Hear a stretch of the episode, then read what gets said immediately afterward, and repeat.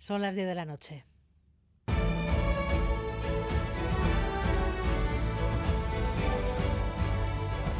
Radio Euskadi y Radio Vitoria. Servicios informativos.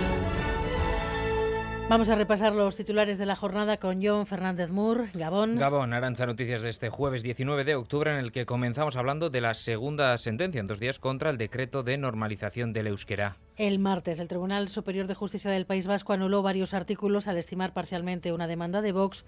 La de hoy anula otros a partir de un recurso del Partido La sala del juez Garrido considera que se obliga a la ciudadanía a ser bilingüe y añade que los ayuntamientos no tienen por qué saber si un ciudadano sabe o no euskera. Dos de los artículos anulados hacen referencia al funcionamiento interno de los ayuntamientos. Ahora, con las convocatorias, órdenes del día, mociones o actas deberán ser bilingües. El tercero de los artículos anulados tiene que ver con las comunicaciones de un ayuntamiento con sus ciudadanos. Los avisos de obras, actividades deportivas o culturales no podrán estar únicamente en euskera. Eudel afirma que se está atacando la autonomía municipal y estos fallos suponen, según la Asociación de Municipios Vascos, un freno para la normalización del euskera. Lamenta Eudel que los más perjudicados serán los vecinos de los municipios donde el euskera es la lengua de uso mayoritario y habitual. Y la ley de educación sigue su camino en el Parlamento Vasco una vez se superado el trámite de las enmiendas a la totalidad. EH Bildu ha votado en contra de esas enmiendas a la totalidad, uniendo sus votos a PNV y PSE, pero con la advertencia clara de que su apoyo a la ley no está garantizado. No entrarán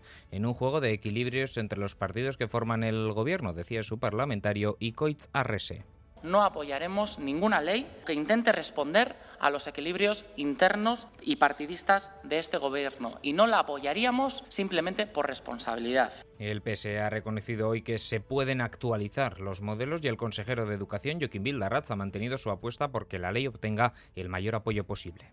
Zer da lehen etxi behar duguna, legea ahalik eta zabalenarekin onartzea. Las enmiendas a la totalidad de Vox, Ciudadanos, PP y el Carrequín Podemos sí han sido rechazadas, por tanto, por más del 80% de la Cámara. Más de 24 horas después del anuncio de que Israel permitiría la entrada controlada a Gaza de alimentos, agua y medicinas, la ayuda humanitaria sigue sin llegar a la franja. Y Egipto dice que está reparando el camino del paso fronterizo de Rafah, por el que a partir de mañana viernes podrían empezar a entrar los primeros 20 camiones de ayuda humanitaria. El director de la Organización Mundial de la Salud ha señalado que sus camiones están listos. Our trucks are loaded and ready to go. Esperemos que sea mañana cuando se abra el paso de Rafah, decía Tedros Adhanom Ghebreyesus, que además pedía a Israel que incluya el combustible entre la ayuda humanitaria permitida. La OMS trabaja con la Media Luna Roja para repartir esta ayuda que deberá llegar mientras siguen los bombardeos, pues aunque por ejemplo hoy el Parlamento Europeo la ha pedido, sigue sin darse una tregua humanitaria que también exige la ONU. Y además parece inminente la ofensiva terrestre de Israel. Porque su ministro de Defensa, Joab Gallant, se ha reunido este jueves con un grupo de soldados cerca de la frontera y en su discurso les ha dicho que ahora ven Gaza desde fuera, pero que pronto la verán desde dentro. Y hoy, 19 de octubre, es el Día Internacional contra el Cáncer de Mama. Una enfermedad que sufren miles de mujeres. Se trata de una batalla continua. Hoy las asociaciones han salido a la calle, han entrado en parlamentos, han teñido de rosa instituciones para pedir una atención integral y cribados a edades más tempranas. En el Parlamento Navarro, por ejemplo, ha estado la presidenta de la Asociación Navarra contra el Cáncer. No podemos olvidarnos del sentimiento, de cómo gira 180 grados el mundo de una persona, la vida de esa persona. Los pacientes de cáncer de mama demandamos por eso una atención integral que abarque aspectos fundamentales como la asistencia psicosocial, las terapias de psicooncología.